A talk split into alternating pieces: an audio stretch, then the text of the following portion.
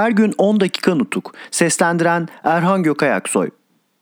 Yeniden seçim yapılması kararı. Saygıdeğer baylar, 1. Türkiye Büyük Millet Meclisi'nin olaylarını anlattığımız günlerdeki karışık ruh durumu gerçekten düşünülmeye değer bir nitelik aldı. Bütün ulusta meclisin görev yapamayacak bir duruma geldiği kaygısı sezilmeye başladı. Mecliste durumu soğukkanlılık ve sağgörüyle usa vurup inceleyenler bile üzüntülerini açığa vurmaktan kendilerini alamıyorlardı. Artık meclis yenilenmedikçe ulusun ve ülkenin ağır ve sorumluluğu gerektiren işlerinin yürütülemeyeceğine kuşku kalmamıştı. Bunun zorunlu olduğuna ben de inandım. Bir gece Başbakan Rauf Bey'e istasyondaki konutunda Bakanlar Kurulu'nu toplantıya çağırmasını, benim de geleceğimi telefonla bildirdim. Rauf Bey'in konutunda toplanan Bakanlar Kurulu'na meclisin yenilenmesini, meclise önermek gerektiğini söyledim. Kısa bir tartışmadan sonra Bakanlar Kurulu'yla görüş birliğine vardık. Gene o gece meclisteki Anadolu ve Rumeli Müdafaa Hukuk Grubu Yönetim Kurulu'nda Bakanlar Kurulu toplantısına çağırdım. Bu yönetim kurulu içinde önerimi yersiz bulup şaşanlar oldu. Görüşmeler ve tartışmalar ertesi güne değin sürdü. Böyle olmakla birlikte bu kurulla da anlaştık. Ondan sonra hemen grup genel kurulunu topladım. Bu toplantıda yurdun genel durumunu, ivedilikle görülmesi gereken ulus işlerini anlattım. Meclisin artık bu görevleri yapmaya yeteneği kalmadığını söyleyip tanıtlayarak meclisten seçimlerin yenilenmesine karar vermesini istemek gerektiğini bildirdim. Grup Genel Kurulu sözlerimi ve açıklamalarımı iyi karşıladı.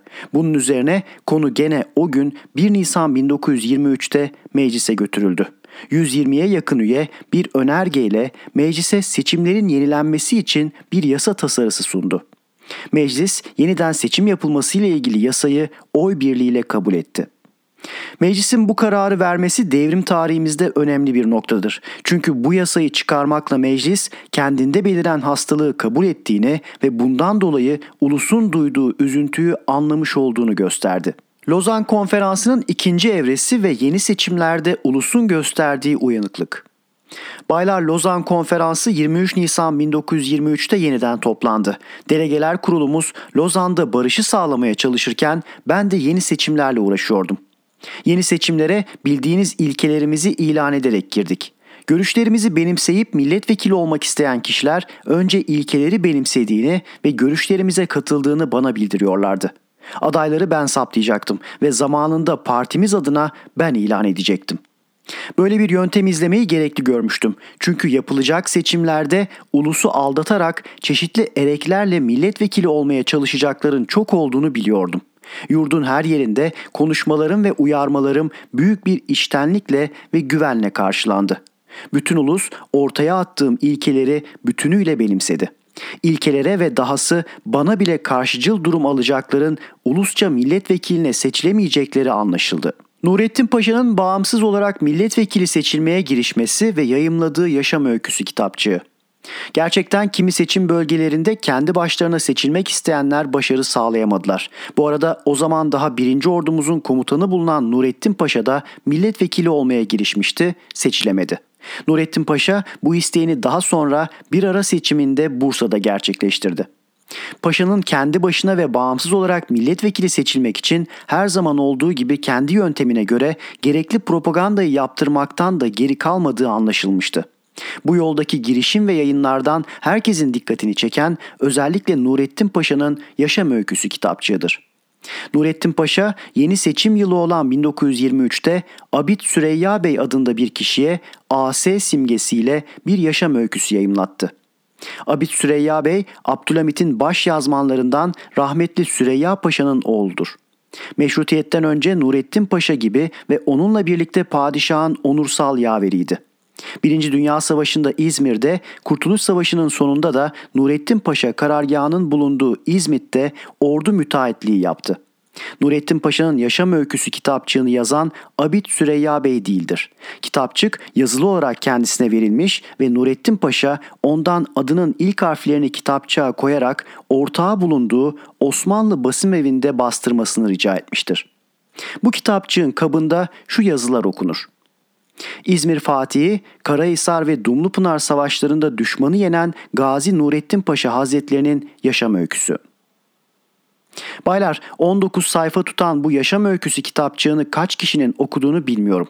Ben bu kitapçığı ülkedeki bütün aydınların okumasını çok yararlı ve eğitici buluyorum.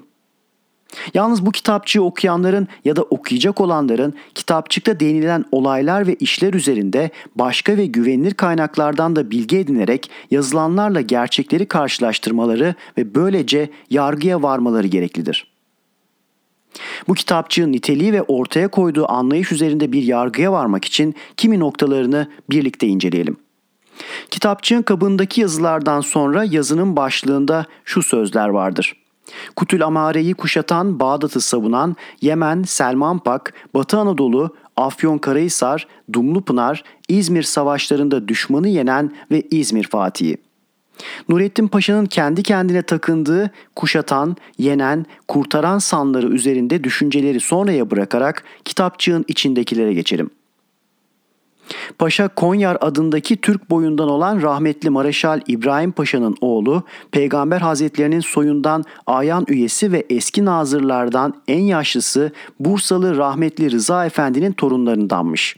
Bu bilgiye ve anlatış biçimine göre Mehmet Nurettin Paşa hem Türk hem de Arap'tır. Babasıyla ve büyük babalarıyla da övünmektedir. Burada babasının büyük adam olmasıyla övünen Bizans İmparatoru Theodosius'a babası ve anası Türk olan Atilla'nın ben de büyük ve soylu bir ulusun çocuğuyum dediğini anımsatmadan geçemeyeceğim. Okul öğreniminden başka özel öğrenimler de görmüş olan Nurettin Paşa 1893'te Harp Okulu'nu bitirerek 1. Ordu Karargahı'na kurmay görevlisi olarak atanmış. Nurettin Paşa kurmaylık öğrenimi görmemiş ve o sınıfa girmemiştir. Bundan dolayı ordu karargahında kurmaylık görevine atanamaz. Olsa olsa bir birliğe gönderilmeyip ordu karargahında yardımcılık göreviyle ya da buna benzer bir görevle alıkonulmuş olabilir.''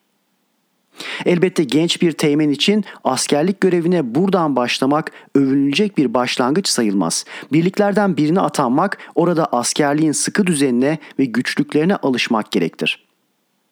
Nurettin Paşa 1897'de Yunan Savaşı'na gönüllü olarak katılmış ve başkomutanlığa atanan Gazi Osman Paşa'nın emir subaylığına İstanbul'a dönüşünde de padişahın yaverliğine ve konukçuluk görevlerine atanmış. Bilindiği üzere Gazi Osman Paşa İstanbul'dan Selanik'e gitmiş ve savaş alanına gitmeden Selanik'ten geri dönmüştür. Savaşa girmemiş bir komutanın emir subaylığına, ondan sonra da Sultan Hamit'in yaverliğine ve bir takım konukçuluk görevlerine atanmış olmak bilmem ki nedenle anılmaya ve övünmeye değer görülebilir.'' Nurettin Paşa sırasıyla yarbaylığa ve albaylığa yükseltilmiş ve 1908 yılı başlarında Selanik'te 3. Ordu Karargahı Özel Şube Müdürlüğüne atanmış. Nurettin Paşa'nın hangi sırayla albaylığa dek yükselmiş olduğu meşrutiyet kurulduktan sonra yeniden binbaşılığa indirilmiş olmasıyla anlaşılıyorsa da Selanik'te 3. Ordu Karargahı Özel Şube Müdürlüğüne atanmasını anlamak güçtür. Çünkü karargahında benim de görevli bulunduğum o orduda denildiği gibi özel bir şube yoktu. Anlaşılan ordu komutanı olan babası oğlu için özel ve gizli işlerle ilgili bir şube kurmuş olacak.''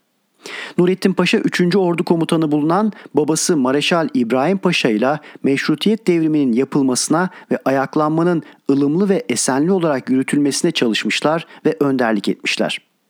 Yaşam Öyküsü kitapçığında Nurettin Paşa'yı Sultan Hamit'in iki kez tutuklatıp sorguya çektirdiği, birincisinde sürgüne gönderilmesine, ikincisinde askerlikten kovularak 6 yıl hapsine karar verildiği ama babasının araya girip yalvarması üzerine kurtulduğu öyküsünden sonra İstanbul'dan bir yolunu bulup yine Rumeli'ye geçerek 1908 meşrutiyet devriminin hazırlanması ve yapılması için başka arkadaşlarıyla birlikte çalışmıştır sözleri yazılı bulunmaktadır. Nurettin Paşa'nın uğradığı kıyımı kısaca anlatmak gerekirse diyebiliriz ki Sultan Hamit özgür düşüncelerinden ötürü Nurettin Bey'e kızdıkça onu yarbaylığa, albaylığa yükselterek sırmasını artırır ve onu babasının sevecenlik ve okşamasına bırakırmış. Her gün 10 dakika nutuk. Seslendiren Erhan Gökayaksoy.